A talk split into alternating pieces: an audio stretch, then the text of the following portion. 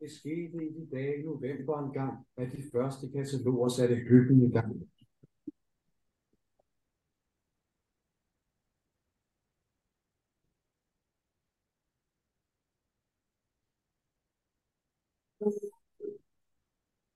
Der kom den!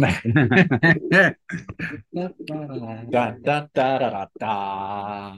Da, da, da, da, da, da, da, da, da, da, da, da, da,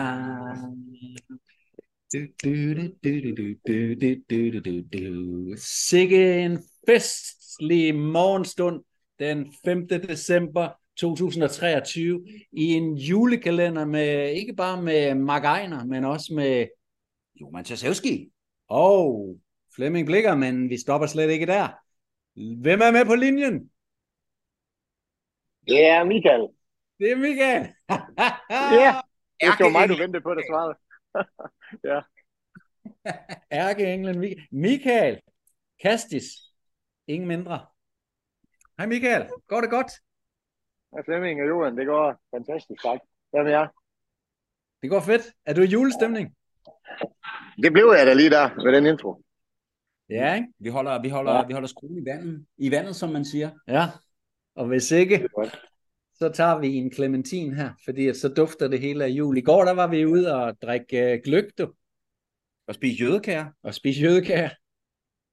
Og Det må man vist ikke kalde det i de tider her, hvis de skal være helt politisk korrekt, må man det? Og ved du hvad, det minder mig faktisk om en ting, at øh, formentlig i morgen eller i overmorgen, så laver vi et afsnit omkring druiderne. Johan. Det lyder spændende. Ja, Så har jeg, har nogle, jeg, har fået lektier for. ja, du har fået lektier for Ja, ja. og jeg så skal jeg lige læse lidt op på det, om druiderne. om drøderne. Men i dag, der handler det om øh, penge, og om øh, Michael øh, Kastis, fordi at øh, Michael, du er sådan en, der er, ikke kan holde kæft, kan man vist godt øh, kalde det, og det kunne du heller ikke, da du var på radioen her den anden dag. Hvad var det for et radioprogram, du deltog i her forleden? Det var i fredags, det var P1 orientering omkring udfasningen af 1000 grundsædler. Hvordan synes du selv, det gik? Jamen, jeg er faktisk overrasket over, hvor, øh, hvor meget taletid jeg fik. Øh, min, inter- eller, min intention, det var jo ikke så meget at tale om det, at øh, 1000% blev fjernet, men om hvorfor den bliver fjernet, og hvor vi er på vej hen. Og det fik jeg lov at tale om. Så, og det tror jeg, har jeg også på fornemmelsen, vi kommer ind i, i det her program. Og det er jo CBDC, Central Bank Digital Currency. Så Yes. de blev lidt klogere, og jeg kan fortælle, at øh, redaktøren, som sad ude bagved, hvor Kasper, øh, vi- havde jo håbet på, at Kasper må komme ind i studiet, men øh, det fik han ikke lov til. Så han stod ude i maskinrummet sammen med redaktøren, og da jeg, nu, øh, da jeg sagde, at man skulle være kritisk i forhold til det, jeg sagde, og selv søge, følge op på det, der sad han og googlede. Og der var hans respons så til Kasper. Han kiggede på ham og sagde, jamen han har jo ret. Så øh, det var faktisk konstruktivt. Ja, Måske, det lyder, det lyder fedt. Lad os prøve at... Skal vi ikke... ja, ja, lige præcis. Ja, måske vi ikke lige for, for lytternes skyld skal, skal genspille klippet. Det kommer her. Og det er P1. Det er altså P1-orientering, og det var, hvornår var det? Det var i torsdags, den 30. november. Og her kommer et lille klip, jeg tror det er en øh, 4-5 minutter, med, Ja, med Michael Kastis. 12 minutter inde i klippet. For eksempel så viser vores analyse, at, at det er kun 1 ud af 10 betalinger, der sker med kontanter. Der er også spørgsmål, Og de betalinger, virker her. Jo, ikke? Der er det 90 procent af dem, som er mindre jo. end 500 kroner. Ja, vi har lige, vores teknikere arbejder lige på øh, problemet. Det er jo fordi, at sådan noget øh, lydnået her, det er, det, er, det er sådan nogle kendiser som mig og Jovan, vi skal jo ikke have med sådan noget at gøre, så det er en eller anden tekniker, der har lavet et, øh, et, et kæmpe fatalt øh, problem et sted derude, ikke? Og derfor så kan vi lige gøre sådan her. Se, øh, Altså, det går fint igennem her hos mig, så tænker jeg også, det gør, når, når det bliver lagt ud. Det er lyden af men kunne du høre, kunne du høre programmet? Ja, klart. Klart og tydeligt. Nå, Det er interessant. vi prøver lige. Betalinger, der er det 90 procent af dem, som er mindre end Du kan 500 godt høre det, men vi kan ikke høre det. Michael Kastis, velkommen. Øhm, så er det fordi, at vi skal have, så gør vi sådan. med en anden mikrofon. Måske det kan have noget med det at gøre, den sidder på, og derfor så kan den ikke spille på af, afspille, eller hvad? Mindre end 500 kroner. Michael Kastis, velkommen. Tak for det. Selvstændig iværksætter, kandidat til kommunal- og regionsrådsvalg i 2021 var du for øh, det, der hedder Frihedslisten. Stor tilhænger af kontanter. Kan vi Ja, sige det? i den grad. Ja. Du er imod udfasning af 1000 kroner Hvorfor? Jamen, udover det åbenlyse med anonymitet og privatliv, så er der et aspekt, som hedder CBDC, som jeg håber, jeg får lov at forklare lidt om. Øh, CBDC, det står for Central Bank Digital Currency. Og det er noget, de færreste ved noget om. Øh, medierne har bragt meget, meget lidt om. Der har været nogle debatter en gang imellem, hvor det har været nævnt. Men det er noget, som øh, den overvældende majoritet af centralbanken har arbejdet på i godt 10 år. Og hvad er CBDC så? Jo, det er programmerbare penge, hvis man kan sige det på den måde. Og øh, og via CBDC, jamen, så vil man kunne programmere hver eneste wallet, hver eneste øh, hvad hedder det, konto, som man har, som ikke længere vil foregå i de kommercielle banker, altså Danske Bank, Jyske Bank osv., men hvor man vil have den i Nationalbanken. Og der vil man kunne sige til for eksempel, jamen Michael, du har købt det kød, som øh, du har lov at spise. Nu skal jeg sige, jeg spiser ikke meget kød, min kæreste er vegetar, men jeg vil ikke blande mig i, hvad andre de spiser. Så kan man sige, nu har du brugt din kvote, eller du har købt det benzin, du nu kan. Mm. Og så er nogen, der vil sige, jamen det lyder lidt konspiratorisk. Og så vil jeg håbe, at folk de er kritisk, og de følger op på det, jeg siger her. Øh, August Carsten, han er direktør for det, der hedder Bank of International Settlements. Det er centralbankernes bank, hvor Ja. han lige, lige, af, lige afsluttende, hvor han siger, problemet med kontanter, det er, at vi kan ikke spore, hvad, hvad folk bruger deres penge til. Jeg skal lige forstå dig rigtigt, Michael. Du ser altså en fremtid for dig, hvor, øh, hvor nogle systemer, overordnede systemer, sætter grænser for, hvad jeg må bruge mine penge til, fordi det hele kommer til at køre digitalt. Det er det, Så, så, øh, så man må kun bruge så meget på, hvad ved jeg, sprut, og så meget på øh, kød. Og så, er, er, det, er det den verden, du ser? Jamen, det er det, de fortæller øh, Federal Reserve-direktøren Christine Lagarde fra den europæiske centralbank, IMF og, og Bank of International Settlements. Så det er ikke mine ord, det er deres ord. Det bliver muliggjort via de her programmerbare enheder. Og øh, hos de nye penge, som jeg er med til at starte sammen med Ole Bjerg og Kasper Bunde Eriksen, der har vi advaret mod det her i tre år. Vi blev kaldt alverdens navn. Nu er det så, øh, nu er det så Ja. ja. fra øh, hestens egen mund, og det er der, vi er på vej hen. Og det opponerer vi Der er kraftigt garanteret mod. nogen, der har sagt sølvpapirshat, ikke? Det gjorde de i starten, nu vil de ikke tale om det. at, at hele den der vision om, hvad det er, der kommer til at ske ud, men, ja. men, men udgangspunktet her, det vi taler om i dag, Michael, det er jo 1000 kroner Ja. Vi taler ikke om at udfase kontanter sådan øh, bredt set. Det er noget med, den bliver stort set ikke brugt, og det er noget med, at politiet siger, at øh, 1000 kroner i højere grad end andre sedler bliver brugt til kriminalitet. Det er, hvad skal vi sige, et par kerneargumenter. Ja. Det er, vi, vi, vi er jo ikke derude, hvor du er, bare fordi 1000 kroner forsvinder. Jamen, tingene går, sker jo ikke fra den ene til den anden. Det er jo salami-metoden. Du starter med at fjerne 1000 kroner. Det gjorde man i Indien, og man forsøgte i øh, Nigeria, hvor det blev kaos. Fordi hvis du vil have et totalt overvågningssamfund, som er det, der er det stated goal, det er ikke en konspiration, fordi den handlingsplan, det står der, det er det, de vil. De siger det selv, så det er ikke en teori, det er ikke en konspiration. Og øh, så skal du have kontanterne væk, og du starter jo ikke med at sige, vi fjerner alle, alle kontanterne, eller alle sædlerne. Øh, og nu, nu hørte jeg, at de bliver ikke brugt så ofte længere, sagde Kjeld, øh, øh, Thomsen. nationalbankdirektøren. Ja, ja. Men det er jo klart, når du, bliver, når du som øh, erhvervsdrivende kun må tage imod 20.000, tager du imod over 8.000, og der ikke bliver betalt moms og skat, så er der solidarisk hæftelse. Det vil sige, at du som privatperson, der har betalt, du kan hæfte for den moms og skat, der ikke bliver betalt. Og hvis du skal ned og bytte øh, nogle, øh, eller hvad hedder det, sætte kontanter ind i banken, så er det nærmest, øh, så er det nærmest øh, skat, der står der, fordi øh, som jeg ser det, så, så er det en, så de nærmest fusionerer, øh, hvad hedder det, skat og øh, banken, fordi det er, det er samme enhed efterhånden. Så det bliver svært og svært at bruge kontanter, det bliver svært for erhvervsdrivende at sætte dem ind, og det er måske øh, årsagen til, at øh, der er ikke så mange, der bruger kontanter længere.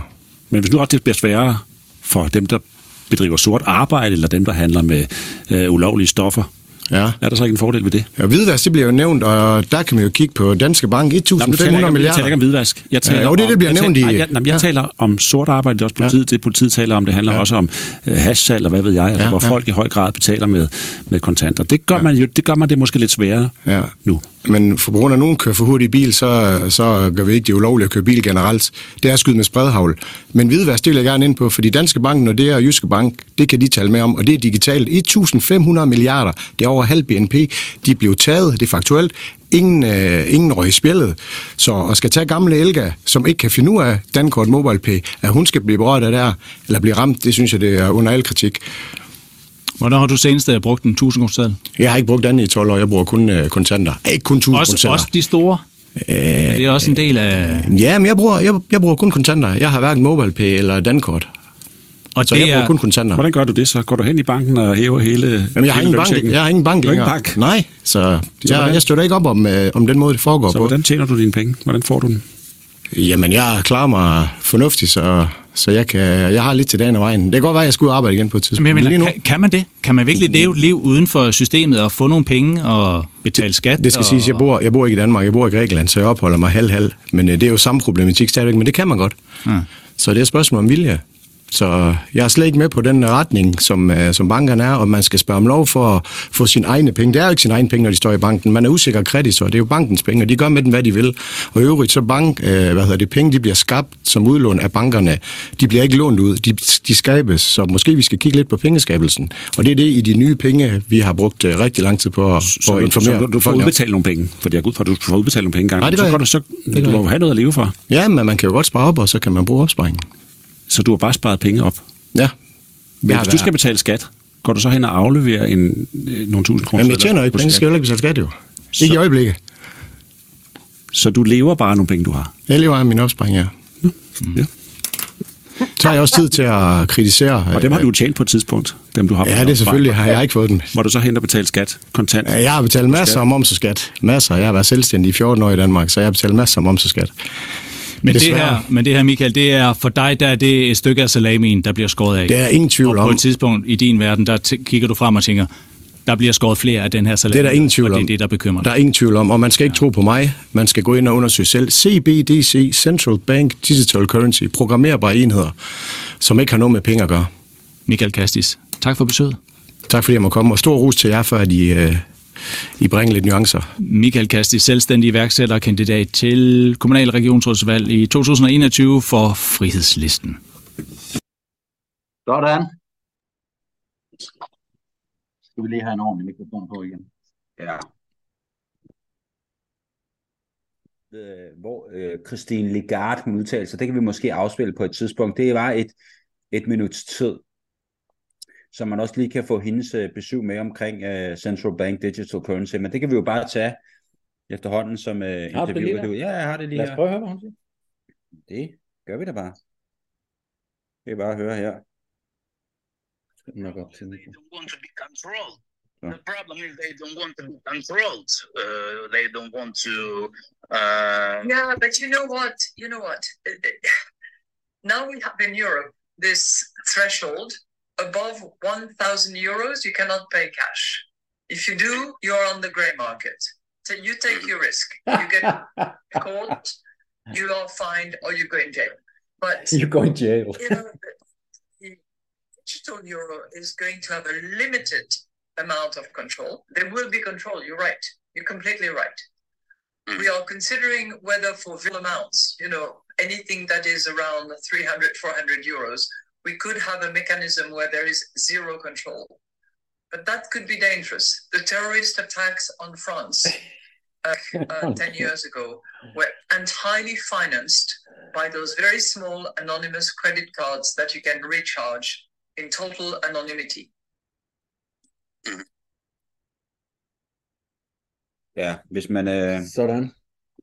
hvis man gerne vil høre hele klippet, så skal man lige gå ind på, på nettet og søge lidt. Men søg omkring øh, Christine Lagarde og Central Bank Digital Currency, eller CBDC, så, så kan man høre helt klippet. Hun bliver i virkeligheden pranket her af de her to russiske prankere, der også har, har taget kærlig hånd om øh, nogle danske politikere. Jeg mener, at øh, Lars Løkke og så videre har været, har været pranket af, af, af de her to. Og det er faktisk ret interessant, fordi at, øh, det viser, hvad, hvad det er for en totalitarisme, som det her Governing Council, og, det, og I kid you not, det kalder de det i, hvad det hedder, i den europæiske centralbank, et, et, et Governing Council, som har fuldstændig øh, autonomitet og, og, og, og kan bestemme øh, uagtet, altså u, u, u, u, uden nogen former for, for kontrol, øh, hvad, der, hvad, der, hvad der skal, øh, hvilken retning øh, det her finan, den nye finansielle opfindelse skal gå. Interessant. Ja, ja hvad, der, hvad der er vigtigt, og nu sagde du så, hun blev pranket. Jerome Powell, direktøren for den amerikanske centralbank, er jo faktisk også blevet pranket. Hvordan det overhovedet kan lade sig gøre, hvis han så møder BND'aner, ikke? Men som jeg sagde i radioprogrammet, det er, at, at bankerne og staterne nærmest fusionerer. Det er jo også et meget godt eksempel på det, hun siger her. Hun er centralbankdirektør. centralbank, eller ja, for den europæiske centralbank, tidligere IMF, og inden det var hun finansminister i Frankrig, hvor hun faktisk er taget i korruption og dømt for det. Det skal man lige have med. Men, øh, men det er, at som, som direktør for en centralbank, der er du ikke lovgiver, og, hun, og man kan jo høre, at hun sidder og siger, at med alt over 1000 euro, der er du i en gråzone, og så kan du risikere bøde eller fængsel. Tag dit valg. Altså det er jo, det er jo man kan jo høre, det er jo, som det her public-private partnership, bankerne og staterne, de er simpelthen en enhed efterhånden. Og det er, det er, et farlig, det er en farlig retning. Altså som, som, som eks-politimand, som tidligere politimand, så, så sidder jeg her og tænker, jamen det, det er jo omvendt bevisbyrde. Det er jo det, det, det hun øh, fremlægger. Så det har intet mm. med demokrati at gøre. Det har intet med, at du er uskyldig indtil det modsatte er bevis. Det vil sige, hun lægger bare en gru- fuldstændig grundløs mistanke over på mennesker, der våger at benytte sig i det her tilfælde af en 1000 euro seddel. Men i princippet er det fuldstændig det samme, fordi det, det vi oplever, og påskud, det er den her hvidvaskning, du ved, kriminalitet, sort marked og så videre, og så skal du til enhver en tid svare på de spørgsmål, som din bank måtte, øh, øh, måtte stille dig, og, og, og der er masser og masser af kunder i forskellige banker, der har oplevet at blive ringet op af banken, og øh, blive udfrittet, og hvis ikke de svarer lige præcis det, som banken gerne vil høre, så, øh, så bliver de mistænkeliggjort. Og det gør de faktisk allerede, inden de bliver ringet op. For det er faktisk grundlaget. Det er en grundløs mistanke og ren udfritning. Der er, ja, rigtig mange, altså. der er rigtig mange, der bliver ringet op i øjeblikket. Jeg selv er blevet uh, ringet op. Jeg kender rigtig mange i mit uh, netværk også, der bliver ringet op af, af bankerne. Bare der er de uh, mindste overførsler. Jeg har lige betalt min egen bank, uh, Skærn Bank, uh, 5.000 kroner for at oprette en erhvervskonto. 5.000 kroner. Og den første opringning, jeg får fra dem, det er, hey, vi kan se, at der er en faktura, der er gået ind på din privatkonto.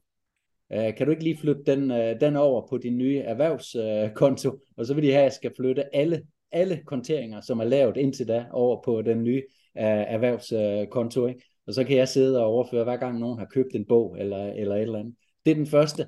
Så, så de, de interesserer sig i detaljer for, hvad der foregår og vi snakker her, den ene, det var en 500 kroners faktura. Ikke? De, de interesserer sig i detaljer for, hvad der foregår på vores bankkonto, finder de bare den mindste uregelmæssighed, så er de inde og sige, haps, er der ikke noget der. Men det er jo især kontanter.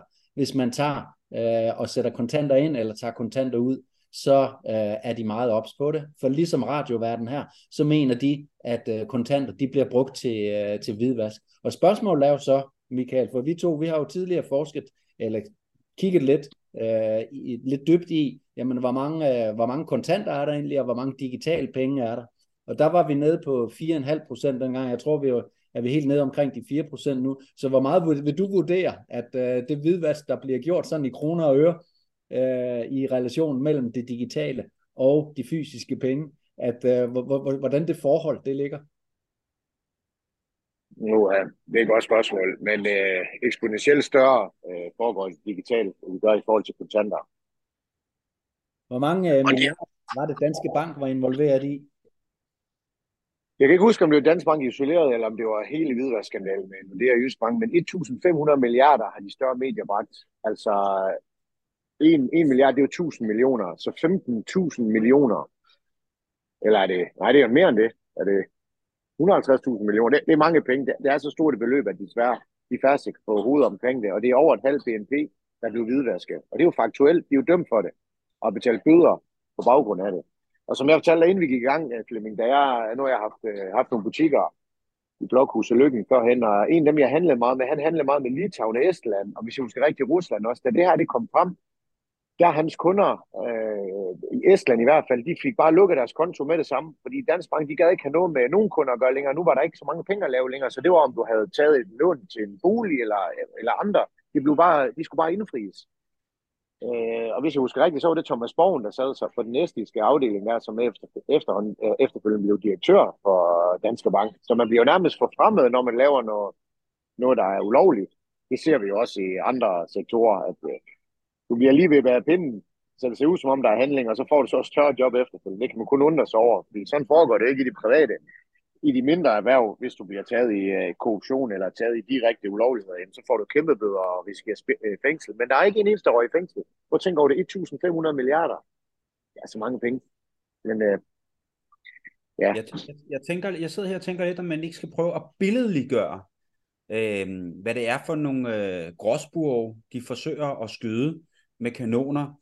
For Cassius, du var jo inde på, at ud af den samlede pengemængde, det vil sige digitale penge og øh, reddekontanter, der udgør reddekontanter 4,5 procent. Er det korrekt? Ja, sidst da vi havde fat i Nationalbanken, øh, der, sendte de en, øh, der sendte de et link, og der var det 4,5 procent, men det skal nok passe det ned omkring 4 procent, fordi kontant, øh, kontant, øh, kontanter i cirkulation, det er faldende. Vi er nede på, tjekke her, her den anden dag, da jeg skrev et opslag om øh, 1000 69,3 milliarder alt i alt øh, cirkulerer der i Danmark i sædler og mønter, og vi var helt op på 78 milliarder i 21, sommeren 21, hvis jeg husker rigtigt.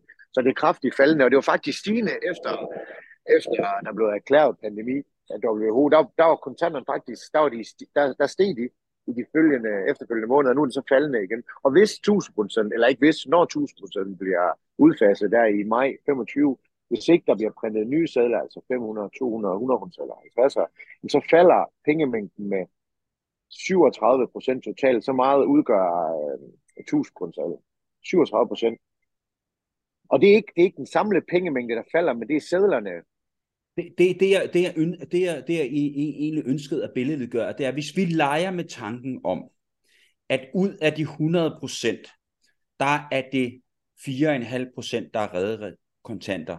Og hvis vi så leger med tanken om, at, at samtlige redde kontanter bliver brugt til hvidvask eller lyssky forretning, sorte penge, whatever, så, må, så er den ud af den samlede pengemængde, så er det stadig kun 4,5%, der bliver brugt på the grey market, hvis man kan sige det sådan. Hvis vi nu antager, at samtlige danskere, der har en, en sædel i hånden eller en mønt i hånden, kun har til sinde i at bruge den på en lyssky måde. Men det er jo ikke sandheden. Sandheden er jo, at det er ud af de 4%, der er det en brøkdel af de penge, som bliver flyttet rundt.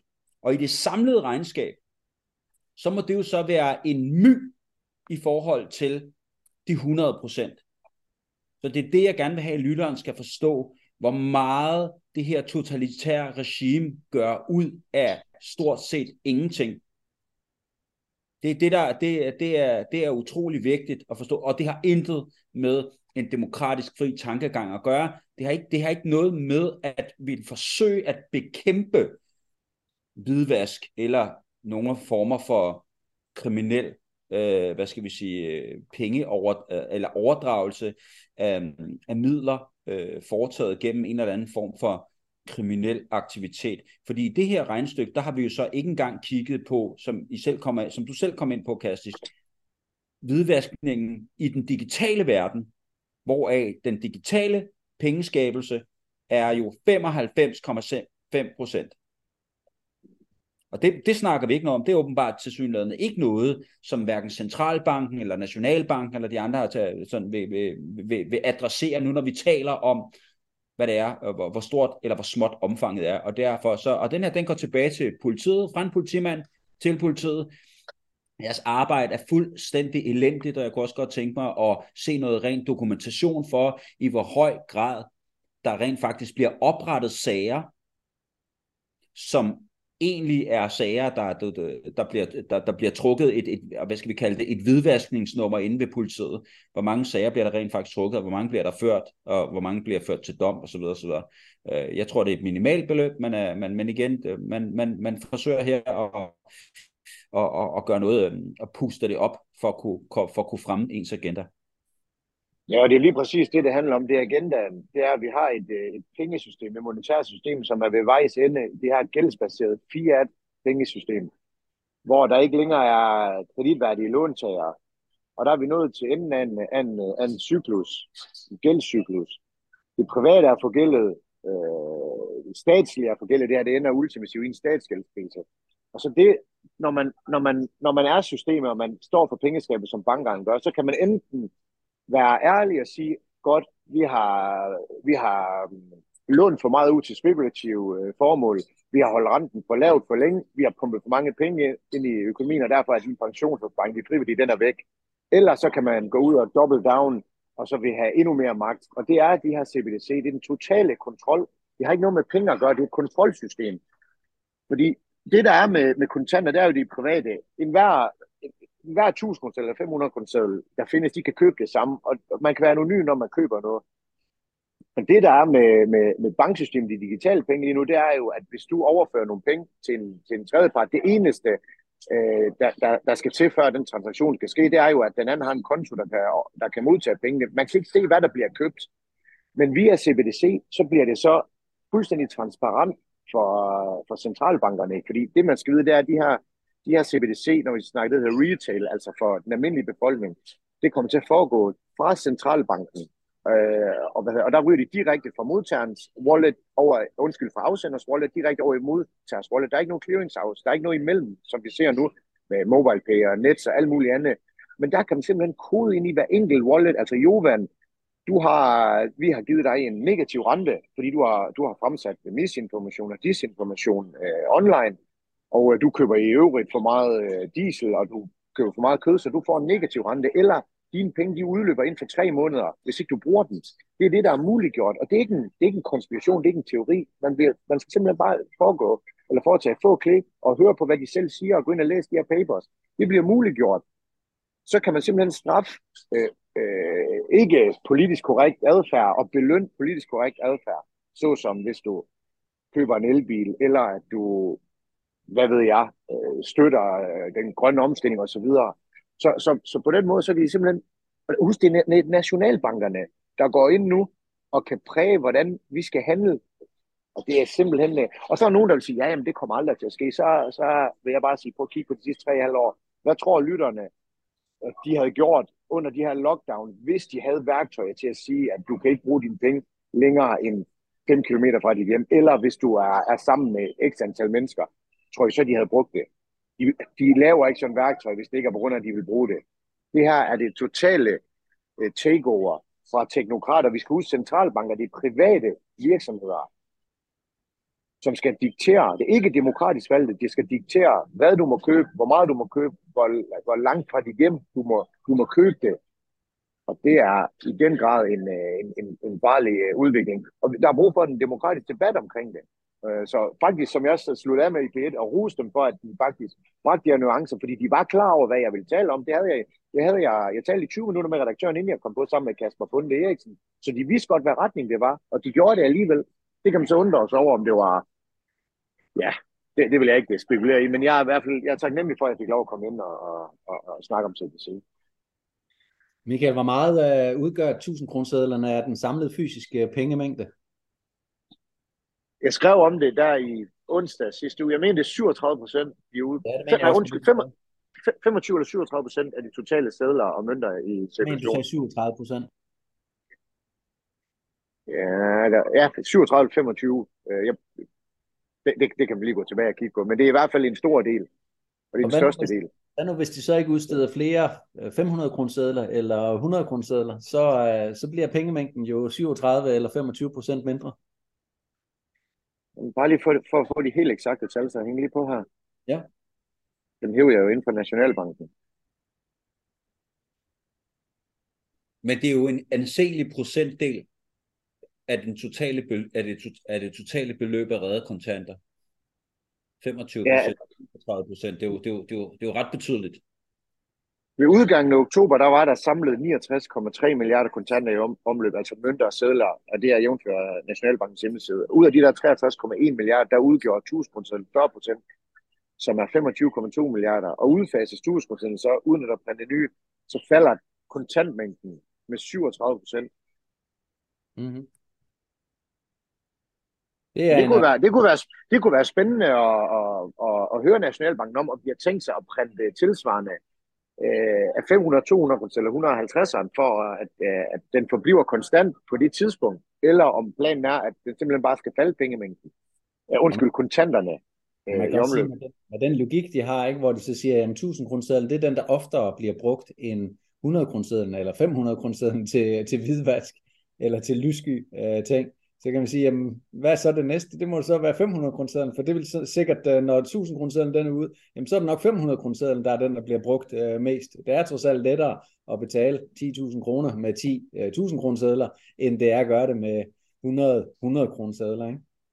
Ja, de gjorde det i Indien for nogle år siden, hvor det var faktisk også 1000 rupien, der var den højeste nominerede sædel. Øh, der fik man så at vide, at man kunne gå ind og få omvekslet den til, til lavere nominerede sædler. Det der så var, det var, at skattefar stod der samtidig med.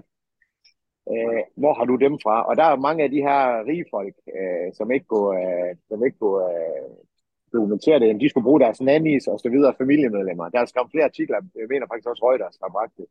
Så spørgsmålet er, om, vi ikke vil se lignende herhjemme.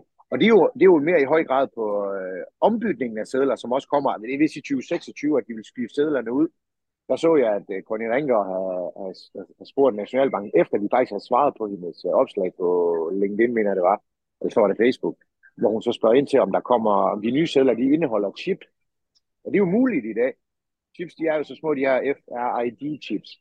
Så er spørgsmålet, om de kommer til at indeholde chips, om sådan de slader om, når mange er samlet et sted. Det ved man jo ikke. Så fra hestens egen mund, centralbankernes bank. Nej, jeg, jeg mener ikke, de har svaret endnu. Jeg var inde og se i går aftes. Øh, tvivl også på, at der kommer svar på det, hvis det er, at de har tænkt sig det. Øh, men, men August Carsten, som jeg nævner i programmet, han er jo øh, direktør for BIS Bank of International Settlement til Centralbankernes Bank. Han har, han har udtalt direkte, at problemerne med kontanter er, at de kan monitorere, hvad vi bruger vores penge på. Og, så, og det er et problem, hvis du lader total kontrol, men det er jo en god ting, hvis man går ind for frihed og anonymitet. Og ja, der sker der, øh, der sker der hvidvask, og der sker der også, at folk de laver sort penge og så videre, men folk de kører også, som jeg siger, de kører også for stærkt i bil, men vi ulovliggør jo ikke brugen af biler. Og, og, som, og som mange har pointeret, har jeg set på sociale medier, det er, jamen, MobilePay, det er jo smart, og det er Dankort også, og, og, og CBDC øh, kan også godt være smart, men fordi man øh, indfører en smart løsning, hvor vi hurtigt kan klare betalinger øh, instant, uden at øh, der skal verificeres kontanter, som, som kan jo være falske osv., men så fjerner man ikke, øh, fjerner man ikke trapperne, fordi man indfører en elevator. Det er jo, hvis der er brand, så er det godt at have en, en bagtrap, man kan løbe ned af. Og det er jo i form af cyberangreb, øh, strømnedbud og så videre. Hvad gør man så? Hvad gør vi? Eller hvis der er nogen, der siger, Flemming, Jovan, I har sagt alt for meget, hvad vi mener er misinformation online. I kan ikke bruge jeres penge. Hvad har I af muligheder nu? Der er selvfølgelig fysisk guld og sølv, som er også hvad de er inde på nu, og det er det, narkohandler bruger i stedet for kontanter, hvis jeg siger det. Det er guld og sølv. Så må ikke, at vi skal til at have vide, at folk har købt guld og sølv for at beskytte sig selv mod monetær kollaps, og det er faktisk deres skyld, at det sker. Det vil ikke undre mig overhovedet. Hvorfor det er jo, det er jo, det, det? Guld og sølv i, øh, i, i interviewet der? Jamen, jeg havde simpelthen ikke, øh, på de der få minutter, jeg havde ikke tiden, og det kunne også godt blive for, for flyvestille, så jeg holdt mig til, jeg holdt mig nogenlunde til scriptet. Ja, ja. Så lad os lige snakke lidt om det, fordi at, at, at har du tiden? Du har lige lavet et, øh, et opslag omkring uh, guld og sølv, faktisk mest omkring sølv jo, ikke? Vil du ikke lige tale os igennem det? Øh, jo, jamen altså, øh, jeg har jo skrevet, Ja, det kan du også godt. Det kan du, også, godt. du kan jo bruge det, når du, øh, når du lægger øh, podcast ud her. Kan du ikke lave, øh, kan du ikke lægge øh, billeder op også samtidig? Jo, det kan du godt. Øh, grunden til, at jeg har, jeg har advokeret for, at man har guld og sølv, øh, fysisk guld og sølv i sin besiddelse, øh, det er jo, at vi, vi står over for et, øh, et, et, en, en kæmpe bankkrise og en, en finansiel krise, som ultimativt ender i, i det her monetære kollaps, jeg skal længere om. Og det er jo måden, hvorpå man kan beskytte sig selv mod en devaluering af valutaen, men også at simpelthen, at lige pludselig man ikke har adgang til sine penge, via, fordi banken mener, at man ikke skal kunne hæve den kontant, eller man ikke skal kunne overføre den til B. Øhm, eller, som så, er, som så er aktuelt nu i forhold til de her CBDC, det er jo, at hvis så der kommer et Black Swan event, øh, eller 9-11 eller 11. 11. marts 2020, hvor, hvor bankerne simpelthen øh, lukker ned på grund af et kæmpe cyberangreb, på grund af Bank of America kollaps eller en anden system, øh, system i bank. Men kan du lige kort gøre lytteren opmærksom på, hvad er et Black Swan event? Det er ikke alle, der ved, hvad det er for noget. En, det er en, en, en, øh, en event, der ændrer verdens gang, som, man, øh, som, som folk siger, man altid vil kunne tilbage på. Hvor var de? 9-11 for eksempel. Da, da vi ser de her to øh, flyvende ting blive ind i... Øh, nu siger jeg jo to flyvende ting, så kan folk så grave lidt dybere i det, men fløj ind i uh, World Series 1 og 2. De fleste skal huske, hvor de var, og det ændrede verdens gang. Der blev uh, Patriot af kom en masse tiltag, som uh, begrænsede vores frihedsrettigheder. 11. marts 2020 er også Black Swan. Verden bliver lukket ned. Det er jo noget, man ikke har oplevet før. Det er jo noget, man kun har benyttet sig af i krigstider. et Black Swan event vil også være, lad os forestille jer, at øh, vi vågner op en mandag morgen, I kan, ikke, øh, I kan ikke logge ind på netbank, I kan ikke hæve penge i automaten, I får at vide, at øh, Putin, at det er nok Hamas nu, øh, der er skyld i et kæmpe cyberangreb, derfor kan I ikke komme til jeres penge, der går to, tre, fire dage, folk begynder at blive bange, er mine penge nu tabt, og så kommer de med løsningen, bare rolig. vi har skabt de her CBDC, så i stedet for, at I har jeres penge i Danske Bank, Jysbank og ellers andelskasserne, hvor de er, jamen så er de blevet øh, konverteret om en til en til en CBDC, hvor I så stadigvæk så bare roligt, jeg har ikke tabt, tabt dem alligevel.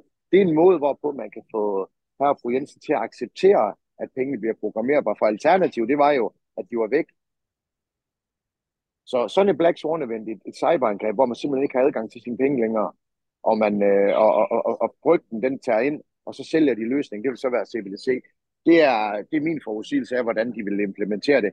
Fordi jeg tror ikke på, at vi kan gå ud fra den ene til den anden og sige, godt, vi laver lige en, øh, en, en ombytning, en total ombytning. Vi har ikke længere dansk kroner, som de fungerer i dag, øh, og kontanterne er væk, men I kommer til at få en øh, CBDC i stedet for.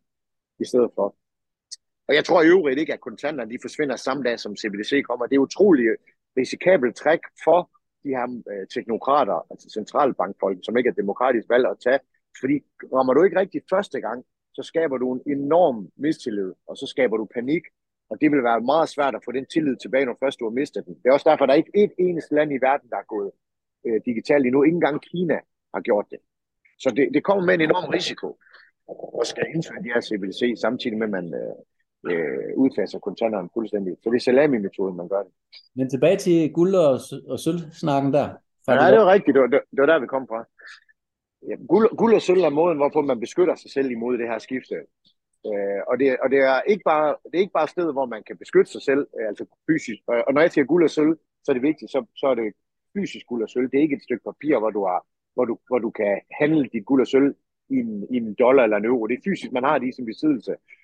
Øh, det, det, er, det viser historien, og når jeg siger historien, så er det i nærheden af, det er over 3.000 år, nærmere 5.000 år, der viser sig, at det er der, hvor du bevarer din købekraft, og i geopolitiske og økonomiske kriser, hvor du faktisk forøger din købekraft.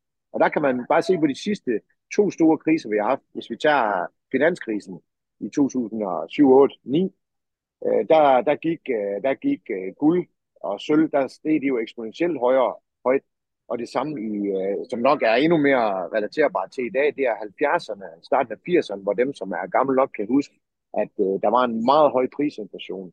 Det kostede mellem 20 og 25 procent at finansiere et huskøb. Jamen der gik i den periode, der gik øh, fra 71, hvor man gik væk fra guldstandarden, der, der gik guld fra 35 dollars per ounce. Ounce, det er den internationale standard, det er 31,1 gram. Men der gik guld fra 35 dollar fra 71 til 850 dollar i 1980. Altså, hvad er det, 2400 procent cirka stigning. Sølv gik fra 1,5 dollar til 50 dollar, en 3700 procent cirka stigning i nominel pris. Øh, så, så, så guld og sølv er alternativ til penge. Det er ikke en investering, som jeg har skrevet mange gange. Der er folk, der ikke forstår det. Men det er simpelthen det er et alternativ til, til penge i banken, eller penge under hovedbuden, og det, er det, og det er det suveræne alternativ.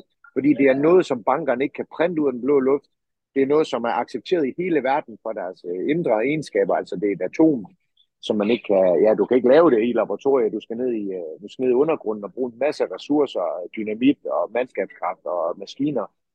Og så er det her for evigt. Det ruster ikke, det, det irer ikke. Øh, det er det samme i hele verden. Så, så, så derfor advokerer jeg stærkt for, at man har noget guld og sølv. Jeg siger ikke, man skal øh, 100%, men, men som absolut minimum 10% af ens formue, mener jeg, burde være i fysisk guld og sølv i de her tider. Så det, det, er, det er et sted, hvor man kan beskytte sig selv og ride den storm over, vi skal igennem. Og hvis man tror, der har været øh, blæsvær, så bare vent i 2024 og 2025. Det bliver meget, meget værre.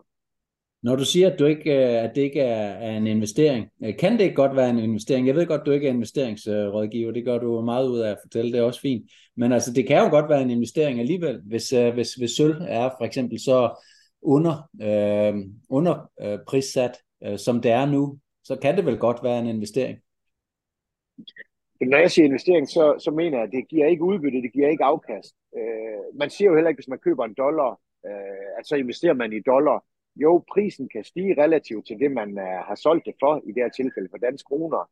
Men det skal ses i det perspektiv, eller aspekt, at øh, det er ikke en investering i det, det ikke giver dig et afkast, eller udbytte, eller leje som en bolig, realkredit eller en, en aktie gør.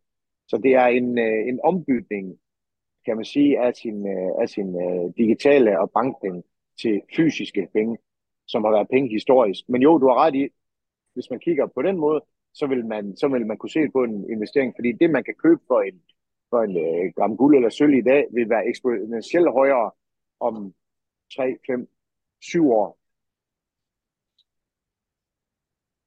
Mm. Jeg håber, det giver mening. Jamen, det, det gør det. Jeg forstår det sådan, at øh, altså, det er jo virkelig stigen forbliver på guld og sølv, men det er så til, grunden til, at man så, når man så bruger de her funny money, fiat-penge, der cirkulerer i det her samfund, øh, hvad enten det er danske kroner eller dollars eller noget helt andet, øh, som i virkeligheden er værdiløs, så skal man jo bruge flere af de her værdiløse penge, fordi øh, vi, vi har jo oplevet en konstant inflation øh, og, og, og af, øh, af, hvad hedder det, af, af, de, af de penge der, øh, af, af funny money, og derfor så skal der flere til hver eneste gang, der skal købes noget guld, eller noget sølv for den sags skyld. Ja, eller betale sin husleje, eller købe en busbillet.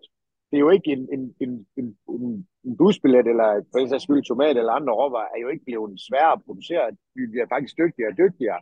Det der er, det der er, det kræver, det er, at det kræver flere penge, fordi der er skabt flere af dem relativt til, hvor mange produkter der er i omløb, og det er simpelthen udbud og efterspørgsel. Og derfor er, har guld været den, den mest suveræne form for penge, fordi den er konstant øh, øh, mængden af nyt guld, der bliver udvundet og kommer ind på markedet, det er, det er op til 2% om året.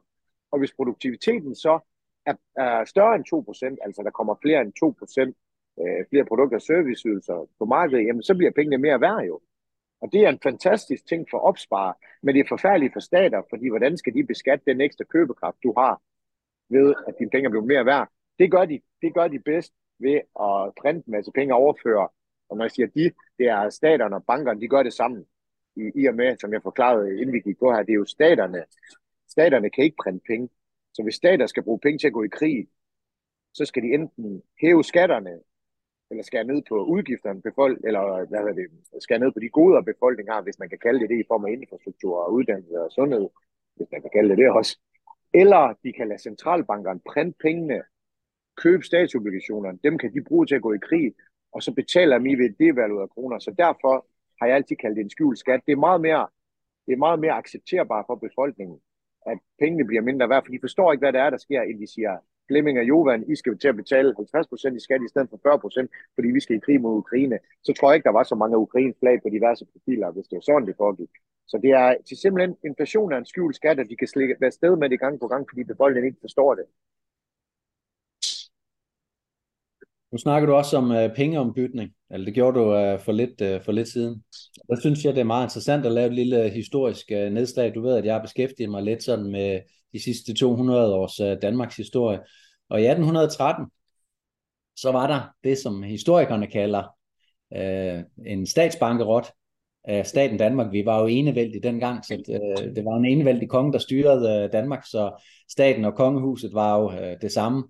Det er, er det for så vidt også i, uh, i dag. Det er bare mindre uh, tydeligt. Men uh, dengang i 1813, der mener man, at, uh, at, at, at Danmark begik en uh, statsbankerot. Men uh, i virkeligheden, så det der skete dengang, det var jo bare, at man uh, vekslede alle kurantdaler om til rigsbankdaler. Så det, i virkeligheden, så burde det blive kaldt det, den store pengeombytning. Og dengang der brugte man jo også øh, sølv faktisk til at inkassere alle, øh, eller mange af befolkningens penge til, netop også til, til krige. Det var også krig mod øh, svenskerne og krigen mod øh, englænderne, som kostede rigtig meget. Det var fordi vi var på Napoleons øh, side. Det var ikke så, så godt. Ej, krigen mod Sverige, det var bare fordi, at kongen han også ville være konge i, et, øh, i endnu et land. Så, øh, men øh, er der også en øh, pengeombytning? øh, der sker nu, og er det, er det noget af det samme? Dengang, der brugte man jo øh, befolkningens øh, penge, altså inkasseret deres øh, sølv, deres sølvskatte. Øh, man indførte en engangs ejendomsskat, hvor folk skulle betale det i sølv, og havde de det ikke i det antal gram og kilo sølv, som de skulle betale, så fik de et annuitetslån med en 6% øh, rente på i, øh, i stedet for. Så øh, kongen, staten, ville altså have befolkningens øh, sølv, og det lykkedes også, fordi at øh, den blev så brugt til at købe ting i, i udlandet. Det var blandt andet kanoner og bouillon til, øh, til soldaterne og, og am, ammunition og så videre. Men øh, den, skulle endelig, den var egentlig tænkt som, at den skulle ligge nede i kælderen på den her nye Rigsbank, som jo så bliver til i 1813. Og der er så ikke noget sølv, når, når, når Rigsbanken den opstår der i 1813, fordi det så blev brugt til, at krigen, han, krigen, at kongen han kunne føre, føre krig for, og det er så først i 1818, at vi får den her selvstændige virksomhed, som, øh, som er Nationalbanken. At der er lighedspunkter med, med det, der sker og er ved at ske i, øh, i Danmark og i verden i dag? Ja, det synes jeg helt klart. De er bare blevet meget dygtigere til at overføre velstanden fra opsparende til staten og bankerne. Det foregår. De er blevet meget, de er blevet meget klogere, og vi er desværre blevet meget dummere i det, at det, altså det er jo ikke en ud af 100, det er nok nærmere en ud af 1000, der ved, hvad penge det egentlig er, og hvor de kommer fra. Og når man så bare kan overføre købekraften, i stedet for at tage pengene direkte, det er jo genialt. Så, og det er måske også grunden til, at, øh, at vi hører regeringen, de forskellige minister, at det vigtigste, vi har i vores liv, det er vores arbejde, og vi skal arbejde mere. Det er måske for at preppe os til, at de penge, vi troede, vi skulle pensioneres for, og de, den friværdi, vi havde, den er der ikke lige om lidt. Så det er ikke din familie, det er ikke dine børn, det er ikke dine venner. Nej, det vigtigste, du har, det er dit arbejde. Så ja, det er i den grad. Og det er, og, og de går efter, og de går efter hele pølsen nu. Og lige, lige som en øh, sidekommentar, hvis man siger sådan. Jeg så en, øh, det var faktisk fra september, at World Economic Forum og FN har speedet deres 2030-plan op. Det skal gå hurtigere. Så så, så de her kriser og den her overførsel af velstand, den ser ud til, at den skal gå endnu hurtigere, og det er altså væk fra dig og over til dem. Hvad er det, der skal gå hurtigere? Den her 2030, Agenda 2030, det nævner han direkte i klippet, jeg kan sende til jer bagefter, hvor han, okay. står, han, han står, jeg ved ikke om det er repræsentant for FN eller fra World Economic Forum, men han nævner, at Klaus Schwab, formand for World Economic Forum og FN er blevet enige om at accelerere deres 2030-plan. De nævner så ikke, om den hedder 2025 nu eller 2027, men det mål, de nu har, som skal, hvor, hvordan verden skal se ud 2030, det skal gå hurtigere. Så, så tingene går stærkere, og det betyder altså, hvis ikke man får positioneret sig korrekt, så kommer man til at se, at, øh, at den, den opsparing i form af pension eller friværdi, som man troede, man skulle pensionere selv for, den vil købe brøkdel af, hvad den kunne før. Hvad er Derfor din... er det. Undskyld, ja. hvad er din analyse den fremskyndelse? Er det fordi, at, øh, at det går godt for, for dem, øh, og de lige så godt kan, kan, kan, kan indføre hurtigere, eller er det fordi, de er presset? Hvad... Jeg er overbevist om, at de er presset. At der er, der er for mange, der er kritiske om, omkring øh, Agenda 2030 og Agenda 21 hed det jo oprindeligt. Og, øh, og specielt i lande som USA og England er der jo er der jo nogle rigtig gode folk, som har noget rækkevidde, øh, som, som, som har talt om det her i lang tid. Herhjemme har vi desværre ikke, ikke nogen men slag er nok også vigtigere, at det bliver vundet i USA, end det er i Danmark. Så, så jeg tror simpelthen, der er, for, der er en for stor opvågning, hvis man kan kalde det. Der er for meget kritik omkring. Og, og, og de kan ikke få lov at mødes i hemmelighed længere. Når de mødes i, i Davos i Schweiz, når de mødes i, de, de mødes jo også i Kina, som de gør i Davos der med World Economic Forum og Bilderberg. Så der er utrolig meget fokus på det nu. Så det, for, det er ikke så subtilt længere. Det, det er ved at komme op til overfladen. Og, og, og grunden til, at, at at øh, nu, nu springer jeg lige lidt i det. Grunden til, at de her øh, redaktører og journalister på P1, at de ikke har hørt om CBDC, det er jo, fordi det tåler ikke dagens lys. Fordi hvis det gjorde det, der var en åben demokratisk debat om det, så ville langt de største sige nej tak til det. Derfor tåler det ikke dagens lys. Det er også derfor, han ikke spørger ind til noget som helst omkring CBC. Faktisk han prøver at få dig til at snakke om noget andet, da du begynder at, at, at, at nævne det.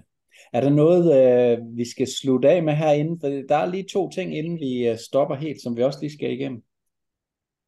Har du noget, Johan? Ikke andet end jeg bare vil opfordre lytteren til, øh, der, der lytter med her, er om at dele den her podcast vidt og bredt. Øh, nu siger du, Kastis, der ikke er rigtig nogen. Det er rigtigt nok, Danmark er et lille land, men vi er her trods alt, og vi øh, forsøger at gøre vores for at oplyse den danske befolkning om, hvad der virkelig foregår. Øhm, Plus at Danmark er meget central i de her ting. Det, det er det også. Danmark er meget, meget, en meget, meget central øh, spiller, trods vores lille størrelse ja. på, på, på den globalistiske scene. Så hjælp os med at brede det her budskab ud, så den almindelige dansker kan få et lille sneak peek, og forhåbentlig øh, få lidt appetit på at, at, at søge denne her viden. Og så den almindelige dansker kan se at få, uh, øh, hævet sine pensioner og få sat øh, de penge, som øh, vedkommende eventuelt må have i likvide øh, midler øh, i øh, et sted, hvor at, øh, de, er, de er sikre i forhold til, når globalisterne de kommer med det her øh, power grab, som de, er, som de er på vej til.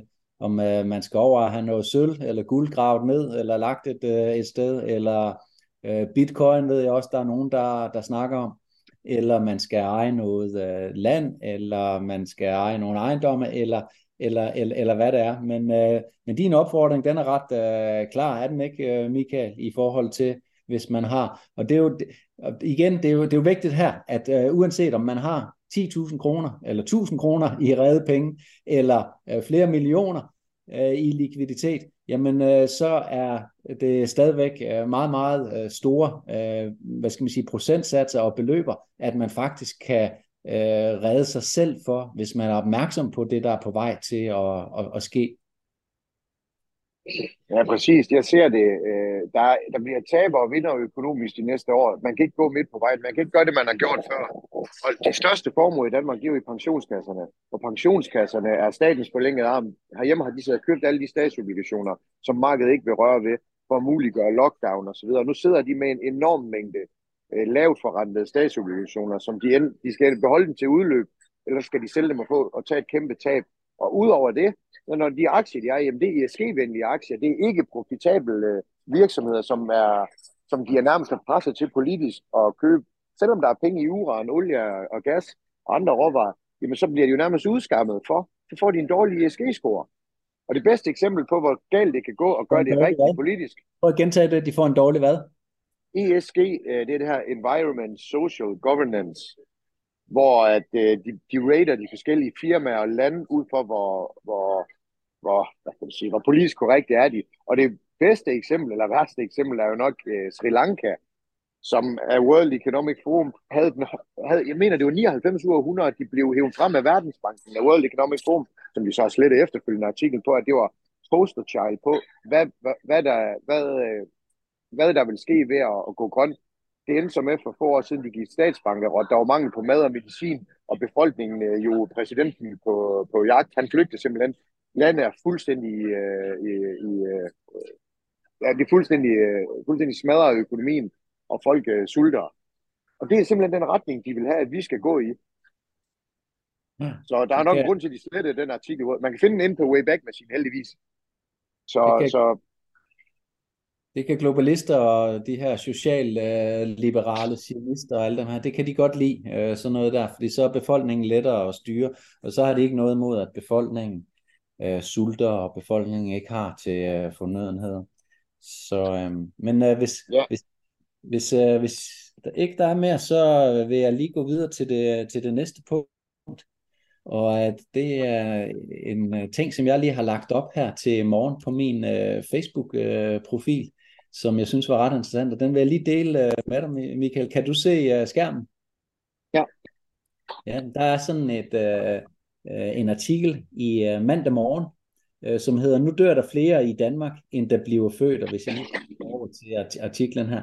Fertiliteten er raslet ned, og det er som sagt fra den 20. august 2023. Fertiliteten er raslet ned til det laveste niveau i mange år, så Danmark nu har et historisk fødselsunderskud. Samtidig er danskernes forventede levetid faldet to år i træk, og kan betyde, at pensionsalderen ikke kommer til at stige så hurtigt som forventet.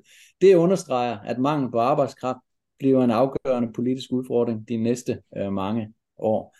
Så der dør flere, og der er færre, øh, der bliver født. Hvad, hvad tænker I, når I, øh, I ser sådan en artikel? Ja, men altså, jeg kan da godt øh, lægge ud. Øh, jeg, jeg tænker, at det, det går da meget godt for globalisternes planer om at affolke, befol, øh, affolke verdensbefolkningen. Øh, det er sådan set umiddelbart det, det, det korte svar. Øh, det kan godt være, at det lyder meget konspirationsteoretisk for den lytter, som ikke øh, har beskæftiget sig med, med hvad skal vi sige, øh, det, med, med, med, med emner uden for, for, for, for, for det kontrollerede narrativ. Øh, men altså, der var ikke så længe siden, så væltede man øh, nogle, nogle sten over i Georgia, der hedder Georgia Guidestones, og, der er på de, og, og, og de sten har stået der længe. Jeg vil anbefale øh, lytteren til at gå ind og lave lidt research på det. Men i hvert fald, der havde globalisterne, eller dem, der står bag, fordi man ved ikke rigtig, hvem det er, der opførte de sten, men ikke, men ikke desto mindre stod der i hvert fald på nogle forskellige sprog, hvor de var placeret på, hvad skal vi kalde det, på en måde, så de stod i sol, måne og stjerne i forhold til øh, himmellemmet. Så dem, der har sat dem op, har i hvert fald vidst, hvad de gjorde. Øh, på forskellige sprog stod der, at øh, for at øh, vi skal kunne overleve som menneskelige rare, så anbefalede de, at man havde en befolknings, øh, øh hvad skal vi sige, bef en, en, en befolkningsantal, der ikke oversteg 500 millioner mennesker på planeten Jorden, øh, for, som de siger, in order to live in perpetual balance with nature. Altså man kan sige, vi har jo modbevist det ved at kunne være øh, nu knap 8 milliarder på øh, planeten øh, Jorden, og, og vi, vi, i, der er ressourcer nok til alle, til trods for, at de her ressourcer de er fordelt så ulige. Så det er i hvert fald en løgn, men det kan man, øh, man gå ind og kigge lidt nærmere på. Men, men det er jo klart, hvis, hvis, hvis der står sådan nogle, nogle, nogle, nogle, nogle, nogle, nogle guidelines der, så kan du være emmer vist på, at eliten forsøger på alle mulige måder at opnå øh, det her mål om at skære drastisk ned i befolkningsantallet på hele jorden, og det bliver selvfølgelig justeret alt efter, hvilket land man befinder sig i. I Danmark vælger man at have en tilgang, i USA en anden, og i tredje land i øh, en tredje tilgang. Øhm, så min, øh, min, øh, min forløbige hvad skal vi sige, analyser, det er, at det, det her, denne her, det her, hvad skal vi sige, nedgang i fertiliteten sammenholdt med, at folk de lever øh, lever et kortere liv end tidligere, jamen det er som, som følge af de her politikker, der rent faktisk bliver udført øh, på subtil plan. Hvad tænker du, Michael, omkring fertiliteten går ned, og at øh, flere dør hurtigere? Levetiden er kortere? Ja, nej. Ja, man, man kan jo øh, altså man kan hurtigt dreje samtale over på noget helt andet, end hvad vi, øh, hvad vi snakker om her. Men jeg vil, øh, jeg vil, Reiner Fulmik, som er den øh, advokat, der var med til at fælde Volkswagen og Deutsche Bank i deres hvidvaskskandale, partikelfilderskandale, han har jo udtalt, at de øh, europæiske pensionskasser er tomme, blandt andet på grund af alle de her negative renter, hvor obligationen blev købt til. Så, så hvad vi ser i øjeblikket, øh, jeg tænker, de fleste godt ved, hvad jeg taler om nu, øh, det foregår på, at, øh, at, at vi skal simpelthen have de gamle mennesker væk. Der er ikke råd til dem længere. Og jeg hører jo, jeg hører jo rigtig mange Øh, og det tænker jeg også, at øh, lytteren kan genkende til. Rigtig mange går rundt og faktisk øh, nærmest som papagøj siger, jamen vi er jo også for mange mennesker i verden. Jeg har endda sågar hørt det om en, om sin egen familie. Ah, jamen hun er, også, hun er også gammel, og der er også for mange mennesker i verden alligevel. Så de har jo haft, på en eller anden måde har de jo haft held, de her mennesker, som mener, at, at vi er for mange mennesker i verden, til at faktisk få os til at gå med på, at det er okay, at folk de dør også, selvom vi er uretfærdige og krig. Jamen det er også godt nogle gange, så får vi ryddet op, og, og, og, og som jeg sagde til den sidste, der nævnte for mig, det er en, jeg kender, nu om helt tilfældigt, hvor han så siger, jamen, jamen vi er jo for mange mennesker i verden. Hvor jeg så siger til ham, jamen jeg går lige op og henter en, øh, en kniv, så kan du vise samfundssind. Og så bliver han jo stille, fordi det er jo alle andre, der skal dø, det er jo ikke os selv. Og når så det sker i øh, uland rundt omkring, jamen så er, det jo, så er det jo bare okay. Så det der samfundssind og medmenneskelighed, det er som om, at det har folk fuldstændig, fuldstændig glemt. Men øh, jeg, tror, jeg tror helt sikkert på, at der er en, der er en større, og det er en konspiration, og der er jo den side, der hedder Deagle, øh, som, som landet har brugt som en kilde i forhold til militære informationer og BNB-tal. De har jo forudset, hvor mange mennesker der skal være rundt omkring, og det kan man så ikke finde længere, medmindre man har det officielle link. Øh, der kan man så se, at Danmark var projekteret til, at øh, i 2025 skulle kun være 3,8 3,6 millioner mennesker. Og USA skulle helt ned på 99 millioner. De er altså 330 i dag. Så hvordan de vil nå der til, det, ja, det har jeg mine, øh, der er min teori om. Øh, men, øh, men ja, der er nogle mennesker, der mener, at vi får, vi får mange mennesker i verden. Bill Gates er en af dem. Øh, det kan man så... Det er så også en af dem, der har investeret meget i uh, vacciner igennem de sidste to de, dekader, uh, ham du nævner der. Ja, og han, er, og han er faktisk åbent i sit tæt jeg kan ikke huske, hvornår det var, at, at måden, vi kan formindske befolkningsvæksten, det er via reproductive service, self-care og new vaccines. Jeg forstår godt reproductive, altså vi bruger kondom, for der er nogen, men der måske ikke, han mener ikke skal have så mange børn, men hvordan vi kan mindske befolkningsvæksten ved de vacciner, som jo er, bliver givet for at fremme sundhed, det, den, den kan jeg ikke helt regne ud. Det er heller ikke sikkert, at jeg skal det. Nej, men, øh, det er ikke sikkert, du skal. Og det er nok også derfor, at uh, journalisterne de ikke vil snakke om uh, de her ting, fordi det er, altså når man begynder at kratte det her, så er det jo ikke et særligt kønt uh, syn, der kommer op til, til overfladen. Og så bliver det sådan nogle ting, uh, noget af det er spekulation, og noget af det er jo sådan set rigtigt nok, det vi sidder og, og, og snakker om her. Og så bliver det sådan nogle ting, som, øh, som kommer op, og det er ikke sådan super, altså det er ikke, det er ikke sådan, at man bliver super godt humør af at gå og med det, men, men man er så selv øh, hen et sted, hvor man ligesom, jamen jeg vil egentlig hellere vide det, end jeg ikke vil vide det, fordi at det, det er også lidt dumt at gå rundt og bare tro, at man bor, bor i den perfekte verden, så i virkeligheden så er der rigtig mange mennesker, som ikke har det så godt, og som dør. Ja, der var en, jeg husker tydeligt, der var en, der sagde til mig for nogle år siden, det man, det man ved, har man ondt af, derfor vil man ikke vide det. Og der tror jeg, der er rigtig mange, der har det på den måde i dag. Det er simpelthen, det er simpelthen den information er for, er, er, for, er for svær at sluge den røde pille, så at sige, og så vil man heller ikke vide det. Og det har I, det har I garanteret også hørt mange gange. Nogen siger, hvordan kan du holde til det, og blive ved med at, at grave i det? Og det er jo, altså, hvis sandheden er det vigtigste, så bliver man nødt til det. Ja. Og det, det jeg siger ikke, at nogen også, der har sandheden, men vi har helt sikkert de spørgsmål, som, som de etablerer medier, de ikke tør eller vil stille. Ja. Dem kommer vi med. Og som kan bringe, bringe os forhåbentlig lidt tættere på, uh, på, på sandheden. Det er jeg enig med dig. Der er ikke nogen af os, der har den evige uh, sandhed. Vi uh, skal til at, at slutte den her julekalender. Det var dejligt, uh, du vil være med i den, uh, Michael. I, uh, I den næste episode, så skal vi snakke sådan lidt mere om, uh, om druiderne. Og, og det er jo sådan en, øh, nogle interessante øh, nogen. Så, øh, så det, lad os bare sige, der kommer lidt, øh, lidt overraskende information om øh, druiderne i, øh, i det næste, eller et af de næste afsnit i hvert fald. Men jeg vil også lige sige, at, øh, at øh, dig og mig, øh, Michael, vi har øh, en, øh, et rendezvous omkring denne her, den økonomiske øh, fiktion, hvor vi sådan set også har skrevet et kapitel her i, øh, i, i dag i den her julekalender.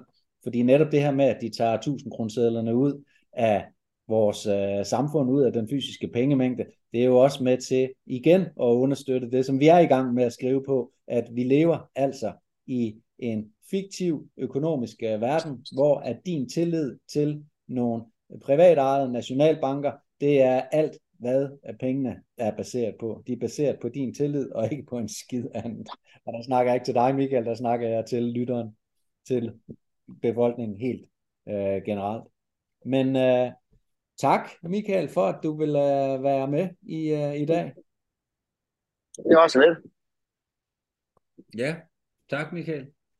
Og tak også til, øh, til, til Jovan. Og så, øh, det var jo meget sjovt, det var os tre, og så Per Brandgaard, der startede Formandspartiet op for, for tre år siden. Og så sidder vi her i, øh, igen. Kan vide, hvor vi sidder om tre år herfra. Det kan man så spekulere lidt over. Du kan eventuelt ja øh, det i kommentarerne, hvor du tror, at vi øh, sidder hen. Øh, men du er i hvert fald meget, meget velkommen til at dele denne her podcast. Tak fordi du lyttede med.